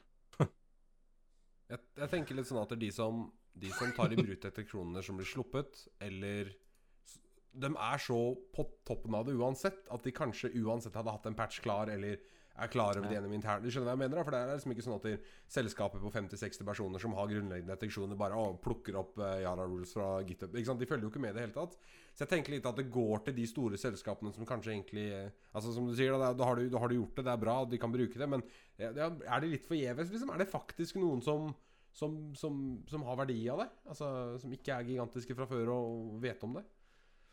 Det er jo litt dette her eh, folk skriker om på Twitter, da, med de som er veldig eh, imot eh, open source tooling og sånt noe. At, at ja, men how do I fix it? Altså hvordan, hvordan kan jeg detektere dette? Hvordan kan jeg fange opp denne, denne aktiviteten? Uh, og så har vi jo på en måte lent oss litt mot det, da, for at man har jo vært flinkere til å, til å slippe Yara-regler for, uh, for binaries man publiserer og sånt noe. Men, uh, men så er jo spørsmålet er det, er det egentlig bare bortkasta? Er det bortkasta tid, egentlig? Jeg har veldig blanda følelser, Er- er- altså. ja, det, det- det er lov. Jeg, jeg, det stiller til åpent Jeg tenker det er profesjonelt å, å dele deteksjoner hvis du kan. Jeg tenker det er veldig profesjonelt, og det er veldig redelig. Men samtidig så, så er jeg litt Mm. sånn at jeg har mine tvil på at det blir tatt imot noe særlig, skal jeg være helt ærlig. Og så kommer det selvfølgelig an på exploit, når det kommer an på hva det er. ikke sant? Er det en RC, så selvfølgelig, men er det en local privesk, så er det kanskje ikke så viktig. Altså, det kommer veldig an på hva det er, da. Mm. Ja. Det er sant. Men det, er altså, det er jo Det begynner jo å bli en uh, relativt grei uh, Altså uh, Av de litt større selskapene vi har vært borti, så begynner jo flere å få f.eks. Splunk, eller at de har en Elk-stack eller lignende. Så det å kunne slippe en søkestreng for Windows Event-logger, f.eks., hvis, de, hvis, hvis de tilfeldigvis skulle ingeste sånt noe, så, så ser jeg på det som hensiktsmessig. Jeg jeg er enig i at det har veldig mye å si hva slags sikkerhetshull det er. Altså, Hvor stor impact er det her? Snakker vi Exchange RC1, eller snakker vi liksom local privesk VLC Media Player? Det er liksom På hvilket nivå er det viktig for folk å fange opp det her? Um, men igjen, da når det er så kritiske sårbarheter, så pleier jo ting som regel å være patcha før det blir sluppet. da Vi har vel hatt noen cases i år og i fjor for så vidt, at noen har bare droppa en random uh, ODay har lika før det har blitt patcha. Var det ikke det som skjedde med Print Nightmare? At det ble lika av en researcher i Kina eller noe sånt før, det, før Microsoft rakk å patche det, eller et eller annet. Samme skjedde vel med Exchange-greia. Um, ja, vi, vi beveger oss litt sånn i uh, Jeg tror vi har svart spørsmålet ganske greit. Det, er det lov å si? At vi, eh, det er et komplisert tema. Eh, det er egentlig svaret. Ja, jeg tenker jo det. Vi, vi kunne sikkert diskutert mange ulike vinkler på dette her. Uh, jeg, jeg har flere i tankene, men vi, vi kan la det ligge. vi eh, Men apropos sikkerhetshull. Apropos Jeg, jeg fant den sjukeste RC1 på Twitter på iPhone, til iPhone her om dagen. Og det var så vill! Og det var bare så dramatisk. Og ja, Før vi går inn på topicen her, den nye saken her, så skal vi bare si at vi, vi er jo selvfølgelig imot mobbing. Og vi, ikke, altså, vi prøver jo ikke å være slemme mot noen. Men, men her ja, men det, Jeg, jeg syns det, fordi vi, så, vi, vi Ja, jeg vet det. Det kommer fra meg, jeg vet. Men vanligvis da så pleier vi ikke å henge ut eh, folk. Eh, med mindre det er meg. Eh, og da er det jo sånn at der, ehm, Jeg bare sier det, men så bare begynner vi her nå. Så det er da en person på Twitter. Jeg, jeg kan egentlig ikke mest om den saken her. Martin, har du lyst til å ta over på en gang der? Ja, altså, jeg har sett videoen. Uh, altså, jeg har sett at uh, folk på Twitter uh, rett og slett lager litt humor basert på, på dette her. Det er en fyr, han heter Jonathan Scott på, på Twitter. Han, han har publisert noen videoer hvor han påståelig viser, demonstrerer sårbarheter i, i iOS. Det, han, det han viser, for å bare raskt gå gjennom det, er det er to ting i den videoen jeg har sett. I hvert fall jeg lurer på om det er en til også, men vi kan ta den jeg har sett. Eh, der er det dette med at hvis du Hvis iPhonen har vært tilkobla et trådløsnettverk før, så kan du via lock, lockscreenen koble til det på nytt. Punkt 1. Når du er på dette nettverket, så har jo iPhone og iOS, eller ja, Apple-verden, har jo noe som heter AirPlay, som gjør at du kan airplaye skjermen din til andre enheter. Så det han da har gjort, er at siden han er på samme nett som laptopen sin, så setter han opp en Airplay-server på, på laptopen sin, og så kan han da fra mobilen Airplay-skjermen, altså mobilskjermen, til, eh, til eh, PC-en. Eh, og det, litt komediske i dette her, hvis det komiske heter det kanskje, eh, i dette her, er jo at han, han, han er veldig sånn Guys, look at this. What? I can't believe it. Kind of. Altså sånn type, sånn type eh, oppførsel. Eh, og, og man sitter der bare Hva er det du er så overrasket over nå? Eh, dette her er jo altså helt vanlig oppførsel eh, på, en, på en iPhone. Eh, så kan man sikkert argumentere for at det er litt sånn klønete at man kanskje kan dele skjermen sin fra lockscreen eh, til en annen eh, hvis personen som da eier telefonen, låser den opp og ikke legge merke til Airplay-symbolet øverst til venstre, det blå, svære Airplay-symbolet øverst til venstre, eh, hvor de da deler skjermen sin, og da ender du opp med å gå inn eh, I don't know, på tekstmeldinger eller et, et eller annet sånt noe. Eh, og du må fortsatt være i range av det Wifi-nettverket. Så det er liksom det, det er sånn Det kan strekke meg til at det kanskje er litt bitte litt uheldig. Men det er jo ikke en remote code execution. Det er jo ikke Hva er det han kalte det? Eh, wireless pairing. Altså Airplay, da, som det heter. Men eh, det er jo én ting, og så kommer det til slutten, det great reveal. Da har han da plugget en sånn iPhone sånn lightning-kabel inn i denne mobilen. Og så har han kobla den til en sånn USB breakout board eller et eller annet sånt noe. En sånn serial connection device som er plugga i laptopen hans. Og så Poenget da er at når han da unlocker mobilen, så kommer det opp sånn der vindu hvor det står eh, hvis, folk har, hvis folk har kjøpt sånn Kina-lader og sånt noe, eh, så kobler du det i, i iPhone, så står det liksom dette er ikke et offisielt eh, Apple-produkt og, og bla, bla, bla. Det er ikke et peripheral som, som på en måte kanskje funker, da. Og så liksom ser han liksom, sånn inn i kameraet og bare Folkens, liksom, dette her er skikkelig ille. Nå har jeg Jeg vet ikke hva Altså, det, det, det er så søkt. Det er så søkt. Så, men jeg anbefaler alle til å se eh, Det er 29 minutter med video. Eh, dere skal få lov til å skippe mellom den, for det, det, er, ikke, det er ikke så mye value inni der, altså. Men, eh, men hvis man har lyst på litt Twitter-drama Så hvis noen lurer på hvorfor folk driver og snakker om at, at de får RCE hvis de har private keyen til en server, når de logger inn Altså de kan logge inn på en server fordi de har private keyen, og dermed er det remote code execution, så er det akkurat dette de refererer til. Det som er morsomt er at det er jo ikke sånn at eh, når du airplayer fra iPhonen via eh, Siri, så er det jo ikke sånn at skjermen blir låst opp eller noe sånt. Du airplayer jo bare en låst skjerm. Det er jo, altså, det er jo ikke noe Og er sånn. Og så, og så er det jo, som du sier, da, hele telefonen lyser jo blått. I det, det, altså, ja, han har funnet en litt niftig greie. Skal ikke legge skjul på at det, ja, det kan Jeg aner ikke Jeg, det aner ikke hvordan du skulle brukt det her til noe. Men, sjøl da. eh, Det kan Ja. Men, men Samboeren din er blind, så mm. ja, hvis samboeren din er blind, men likevel har iPhone, og du har lyst til å se hvem hun snapper med, så kan du det, eller han eller hun. Men eh, pro problemet her er jo hvordan han fronter det. Jeg vet ikke om det er den videoen han fronter som en RCE, men det er i hvert fall ingenting remote eller code execution med noe av opplegget. Um, og så er det det at han liksom bare Jeg tok litt Johan Golden her nå, men så er det jo bare det at han han, han, han, altså han poster tweets hvert, hvert bokstavelig talt hver halvtime. Jeg tuller ikke. Gå på Twitterfinnen hans. Og det er åpenbart at han bare skal Han skal mate sitt eget liksom-ego. Han er jo litt Altså typen Ja. Han er litt delusional fyren, da. Så det er litt morsomt å se på um, Altså, det er litt morsomt å se på fyren lage det her, og, og liksom lage content ut av det her, da. Men uh, nå har han jo blitt en meme i Infosec, for han har jo tagga hashtag Infosec, og det er liksom Ja. Nei, det er litt morsomt, da. Det er, uh, Mm. det er det det er. Det er humor. Det er det det er. For oss er det humor. Eh, for Ja, andre er som kanskje ikke vet hva som skjer, så kan de jo tro at han her er en world class hacker med bra kameraskills. Det er et bilkrasj i sakte film. Det er det det er. Godt beskrevet.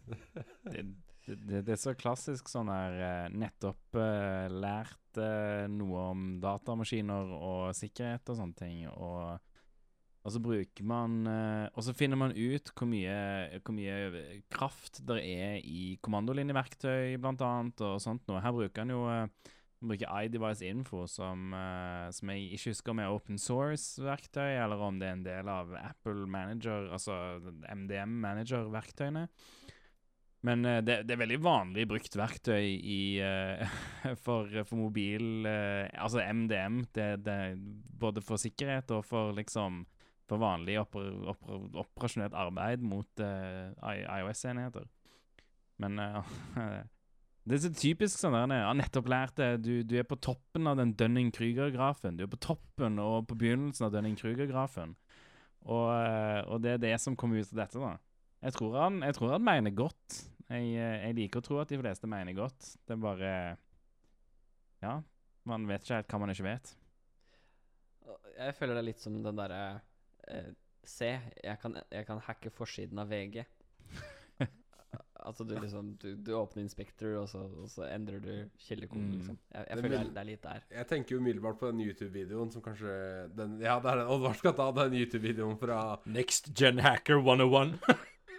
ja, han pinger. Han, han tar sånn trace-ping, og så viser han Og her ser du hvor mange som er connecta, og her ser Ja. du Og det er så hastighet, og Hvor mange som er connecta til Google, var det ikke det?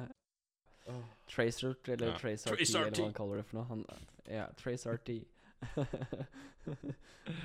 ja, ja det, er, det er litt det. Det mangler bare dubstep-musikken og, og notepad, skrive i notepad og, og unlicensed, den der recorder screen, hypercamera. ja. ja. Cam Studio, var det ikke det det var? da? Jo.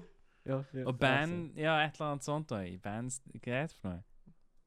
Så mangler du bare, bare. ShareBear-ikonet på Ja. det skrivebordet, og det er liksom full ah. Ja, det og jo fraps. Ja, og Fraps, ja. Piratkopierte piratkopiert Frapsen. Det er klart det går. Nei, det er utrolig Nei, morsomt. fra, fra spøk til eh, revolver Det er jo akkurat Du la dette her inn sånn rett før vi gikk live, eh, Melvin. Dette er jo noe, noe vi på den røde siden jubler over. Ny oppdatering til Cobalt Strike. Ja, endelig. Eh, du skulle jo ikke trodd det var et programvare som faktisk var actively, actively developa, så lite som de kom med i løpet av et år. Eh, solid stikk til Cobalt der. Eh, men de har i dag, faktisk rett før podkasten gikk på, så har de eh, kommet med en update og en ny bloggpost da til denne updaten, som er Som de claimer fortsatt bare er i, i beta. liksom This project is very much in beta. Og inntrykket mitt og til en del andre har vært at der, dette er litt sånn hafas kasta sammen bare for å få til å se ut som noe nytt har skjedd. Så jeg skal ikke gi de så mye credit, men uh, det de har gjort, da, er at de har lagd en eh, Python-rapper for Teamserver-klienten. Uh, så du slipper da i prinsipp å håndtere verken Sleep eller Aggressor Script uh, for å hente ut data eller gjøre ting. Eh, eksemplene de har i bloggen, er at du da gjennom Python kan lage en loggenerator som hvert 30. minutt henter ut loggdata fra beacons og lager en JSON ut av det. De har også et eksempel på payload generation, der du kan requeste ulike payloads for forskjellige listener gjennom Python. Igjen, det skap... Altså, det her er ingenting du ikke kunne gjøre før, åpenbart, i Aggressive Script. Men det gjør det litt lettere, da, for nå kan du gjøre det i en pen Python-rapper Så hvis verktøyet ditt, da, hvis oppfuskereren din eller rapperen din er i Python, så er det litt lettere å integrere rett fra Cobalt.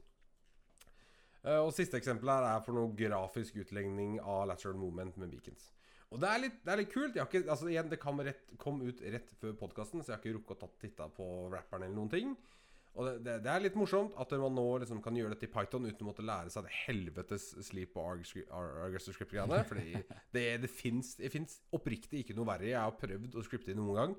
Det er bare I hvert fall aggressor script syns jeg bare er så lite fuckings intuitivt som overhodet mulig. Eh, Det er jo ja. på Pearl, det beste eh, Igjen, språket. eh, jeg sier det igjen. Det minst intuitive jeg noen gang har vært borti. Oddvar Må ha en spypose til Oddvar her, for han brekker seg. Jeg fikk helt vondt langt ned i sjela mi. Det er jo vondt. Det gjør vondt. Det, det er liksom Nei, det går ikke, ass. Sorry, Mac. Eh, så, men, men, så det er morsomt at de embracer Python, da. Og at du nå kan lage noe automatisering. Jeg kan se at det her kan være useful for å automatisere uh, persistency-teknikker som kanskje er sånn halvkompliserte, som du ikke vil gjøre, ikke vil gjøre i aggressive Script. En annen ting er jo en, en, uh, Hvis jeg har forstått det riktig, så er det et stort problem med aggressive Script timing. Jeg kan ikke vente på at en beacon har kjørt uh, tre kommandoer i riktig rekkefølge før jeg kan gjøre ting. Altså, du, du kan sikkert gjøre det på en eller annen hacky måte, da, men det er ikke noe liksom why, altså, det, er, det er ikke noe av den funksjonaliteten. da Men i Python så er det mulig å bare sove litt i en tråd og vente, vente på om dataen har kommet. Eh, så jeg gleder meg litt til å leke med det her. Eh, ja, nei, veldig morsomt. Eh, det ligger selvfølgelig i shownotes hvis du har lyst til å ta en titt på det. Uh, ja, jeg regner Det er sikkert mange, noen andre som har kommet, lyst til å komme med input her. Nå virker det som jeg bare runda av det segmentet med en gang. Det var ikke meninga. Ja, jeg tenker Det er jo du som er Cobble Strike, Uh, i hvert fall i, i, i vår faste gjeng. Så er det du og, du og Eirik som er Cobble Strike-fantastene i, i mitt hode. Så, så jeg syns det er kult. Jeg likte jo Payload Generation og sånt nå i, i Python. Jeg syns det kan være ekstremt handy. Hvis du, da kan du automatisere litt mer rundt det også. Så du kan jo i teorien uh, rappe payloadene dine automatisk og sånt noe. Uh, uten at du må liksom hente ut binærfila og så begynne å kjøre noe annet for å gjøre det.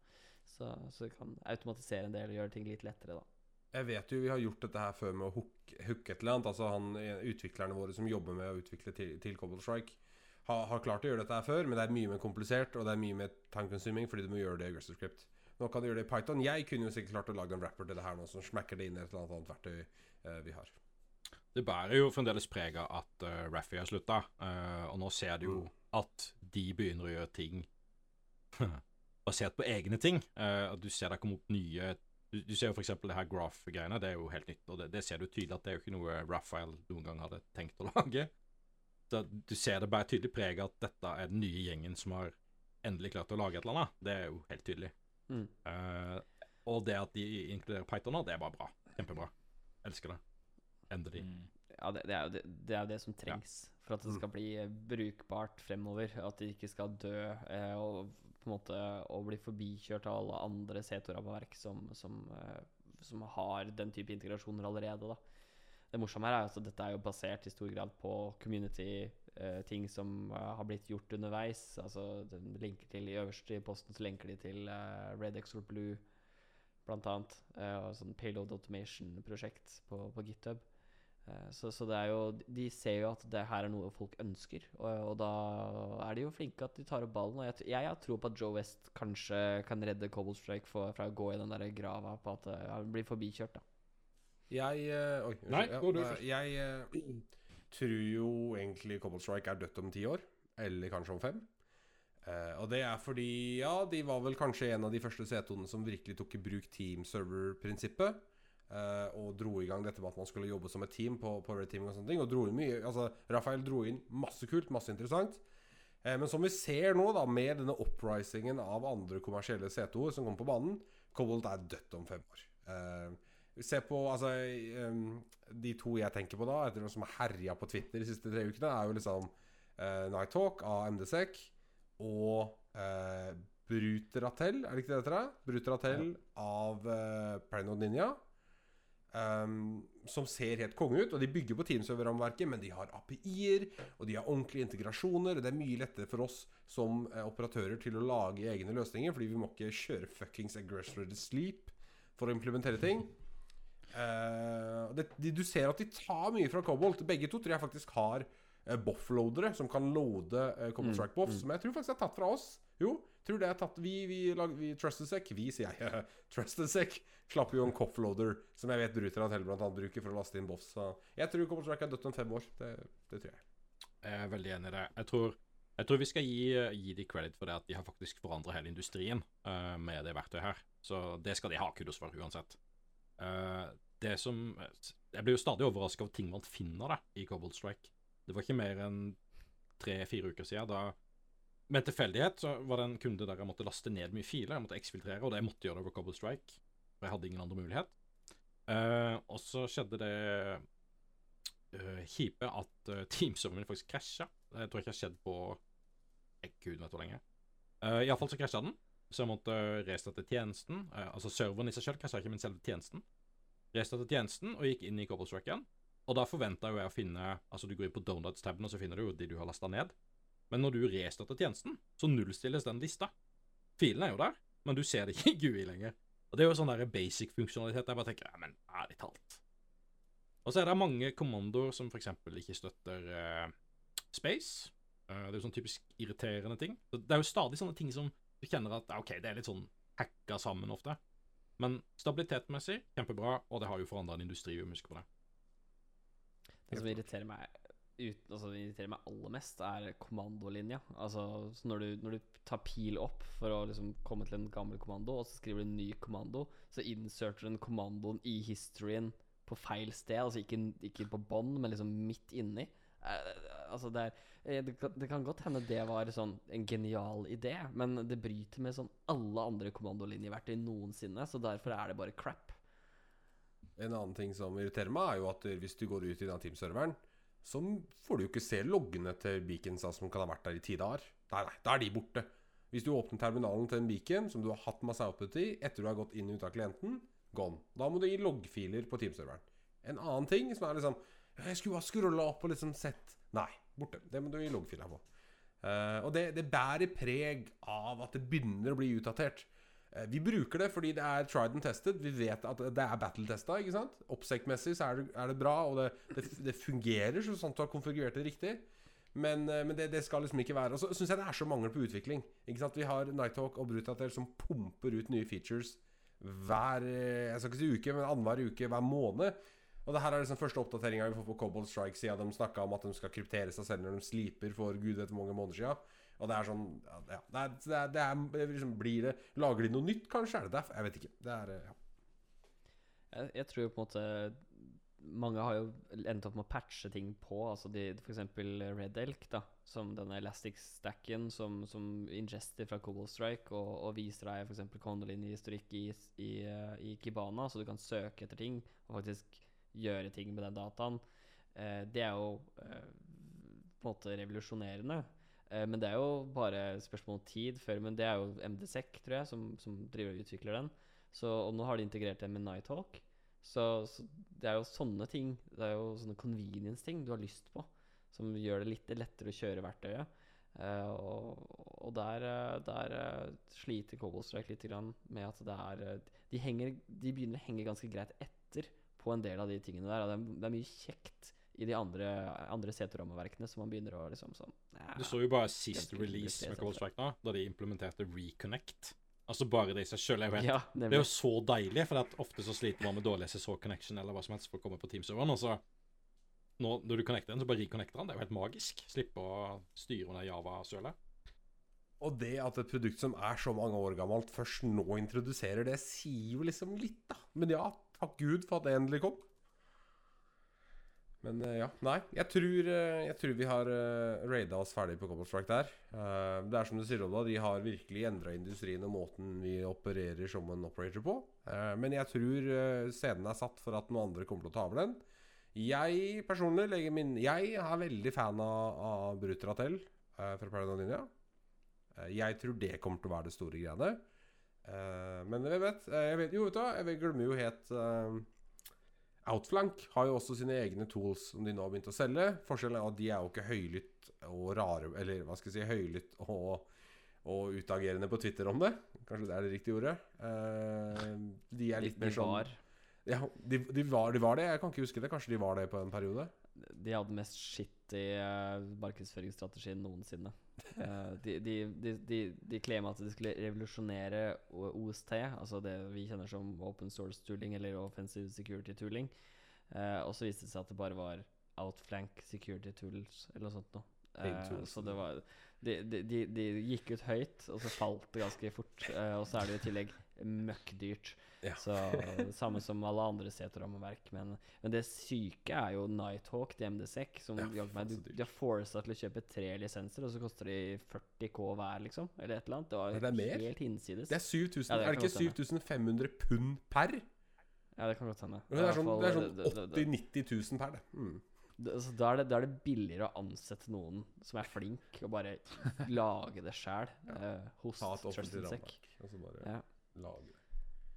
Eh, nei, men det er, det er uansett eh, Ja, nei, vi beveger oss videre. Jeg tenker um, Jeg kan godt dra gjennom Shell Resources, hvis det er greit for alle her. Hvis ingen har Ja, noe imot det. Um, Sure.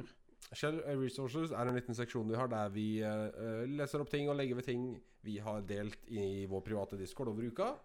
Uh, først ut er Handlecats, som da er en måte å dumpe Elsas gjennom å stjele en eksisterende handle til prosessen. Så mye EDR-løsninger trigger på at du som en ukjent prosess eller en, en usignert binærfil åpner en handle til Elsats og prøver å dumpe data. Her så stjeler du handlen fra en annen prosess da som allerede har det, og som er trusted. Det er en teknikk som Det er ikke noe sånn Det er ikke noe O-day-teknikk. Altså Det har vært kjent ganske lenge, og det har vært et par andre pukker på det. Men nå har det kommet en solid eh, eh, verktøy for det, og det har blitt kommet, kommet en buff da i Cobalt Strike til det, så du kan gjøre det all i, alt i minnet i Cobalt Strike. Det er da to av de ressursene. Uh, så har vi noe som heter Asher AD Introduction for Red Teamers. Som er akkurat det det sier der. Det er en introduksjon til det komplek uh, komplekse ops, eller hva skal jeg si, systemet av Asher Active Directory og alle third-party SSO-er og sync og, og clean og gør og trusts og clean. Uh, så ta en titt på det. Det kan være veldig nyttig hvis du angriper hybridløsninger eller fullstendig skyløsninger. Så har vi et verktøy som heter Manspider, som jeg er usikker på om jeg har hatt med før. Tror kanskje det, men da tar vi det med igjen, for det redda meg denne engagementen her. Og det er da en, en crawler for SMB-shares på interne nettverk. Så du gir en creds, og så sier du 'jeg skal se etter disse kodeordene i disse filtypene', og så bare river den gjennom alle åpne shares med sånn 200 treads. da, Du kan sette treads. Så river den gjennom åpne shares med de credentialsa og prøver å hente ut nyttig informasjon. Eh, Det er noe jeg bruker på engagements for å finne PPI, Persian, Persian Hva er det for noe? PI? Personal Ident... Sorry. PII. Personal Personal. Identifiable Information, altså type uh, driver licenses, passports, den gjengen der. Uh, søker jeg alt igjennom, for jeg skal ikke ligge åpne på åpne på filshares uh, i, i selskaper. Det er selvfølgelig vanvittig støyfullt, men kongeverktøy å ha når du trenger å legge til et par ekstra findings. Uh, CertiPy, som er da en Python-versjon av Certify fra Spectrops, som går på abuse av Active Directory Certificate Services. Uh, Python Egentlig bare en Linux-versjon, eller Python-basert versjon av, uh, av det verktøyet. Det finnes også et annet verktøy som heter CertD, som er litt vanskeligere å bruke, men som er i samme gata. Uh, alle disse ressursene finner du selvfølgelig i shownotes med link. Ja, jeg tror det var det fra Shell Resources. All right. Da uh, runder vi av. Da kan jeg fortelle om at eh, vi har en kanal på Norsex sin Discord. Så lenke til det det finner du i shownotes. Klikk deg inn der. eh, så ligger vi under eh, Ligger vi der på Norsex sin Discord under Shellcast. Der har vi tre kanaler. Så når du har joina, gå til Shellcast podcast-kanalen, og så sier du hei. det er hyggelig. Det er alltid hyggelig. Eh, hvis du vil sende noen lyttespørsmål eller forslag til nyhetssaker vi kan diskutere, så gå til informasjonskanalen, trykk på mikrofonikonet, så får du tilgang til å skrive i Shellcat Submissions-kanalen. Uh, ja, så vil jeg takke for oss. Det var det vi rakk for denne gang. Så hvis du har noen uh, bidrag eller spørsmål uh, Som jeg sa, noen war stories vi kan fortelle anonymt eller anonymt. Det begge deler er bra. Eh, send oss en e-post på podcast.5h3ll.sh, eller at oss på Twitter. Der er vi 5h3llcast, altså Shellcast. Takk for at du hørte oss skravle. Vi lyttes igjen neste uke. Ja. Godt jobba. Takk for, eh, takk for uh, godt gjennomført podkast. Det var ikke meninga å fucke opp begynnelsen her. Nei det er absolutt ikke. Jeg, jeg leste shownotes, og så tenkte jeg ja, det står i midten om der òg, så jeg skal vel sikkert gjøre det samme der. Ja, er jo, jo, jo, jo. Det er riktig, det. Det er bra, det. Ikke noe Ja. Egentlig kongepodkast. Jeg syns vi fikk gjennom mye bra content. Jeg, trodde, jeg syns liksom eh, temaene generelt i den episoden her var bra. Det var interessante Men- temaer. Hvor lenge har vi recorda? Én time En og og en halv 30 time. minutter. Mm. Ja. Det er nok. Det, det, er, det, er, det er plenty. Ja, det er nok. Nice. Og gøy, det her. Det kan man si. Ja, det må du Morsomt. få lov til å være med på mer, Oddvar. Vi eh, bare til å ha med noen som er så erfaren som deg. Du, du får Så- lov til å være så med. Det- gamle det, det, som handler deg. ikke om om du vil. Det er sånn Sa jeg, for, sa jeg skal, eller s- hva sa jeg? Få lov? ja, du, du skal få lov til å være med mer. Å, ja. Det er Vi sånn- vil gjerne ha deg med mer, Oddvar. Å, ja. Det var det jeg prøvde å si. Nei, Det bare, jeg- det bare blir annerledes. Jeg tolka det ikke på noen annen måte enn deg. Nei, nei. nei. Det er jo ikke sånn at du Det er jo det er hver onsdag klokka ni, så det er egentlig bare å slenge seg på. Så Ja, Bare bli med.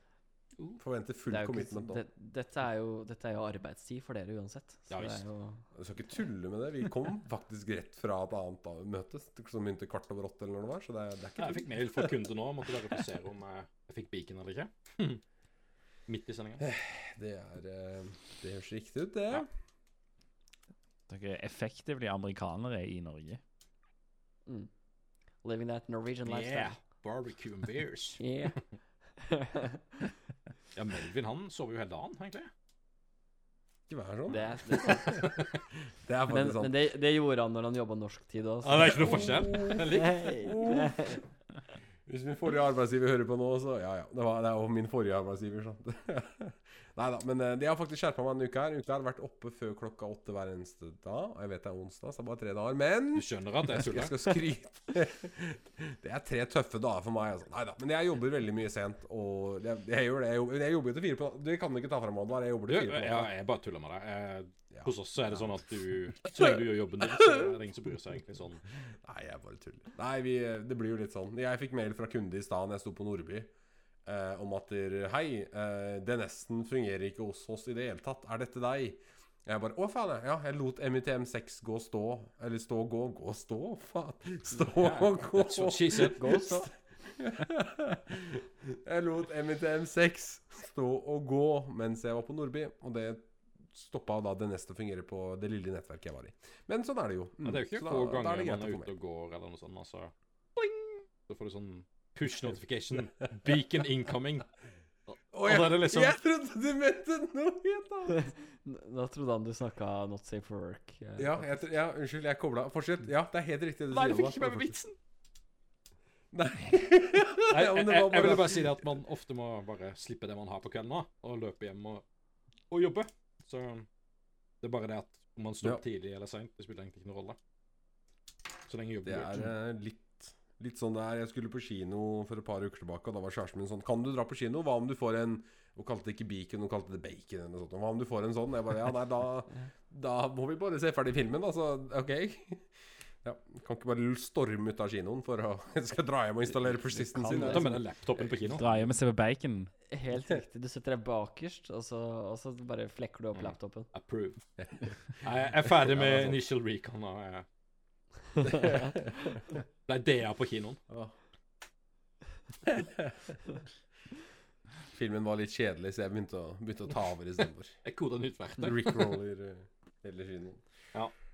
Åh, nei, jeg syns det var kjempebra. Jeg syns det var en knallpodkast. Jeg syns det var dritmoro at du eh, ville bli med, Oddvar. Setter skikkelig pris på at du stiller Det var veldig gøy. Det må jeg Mhm. si. Jeg er ikke noe tror jeg veldig vi- flink på sånn, men det var gøy.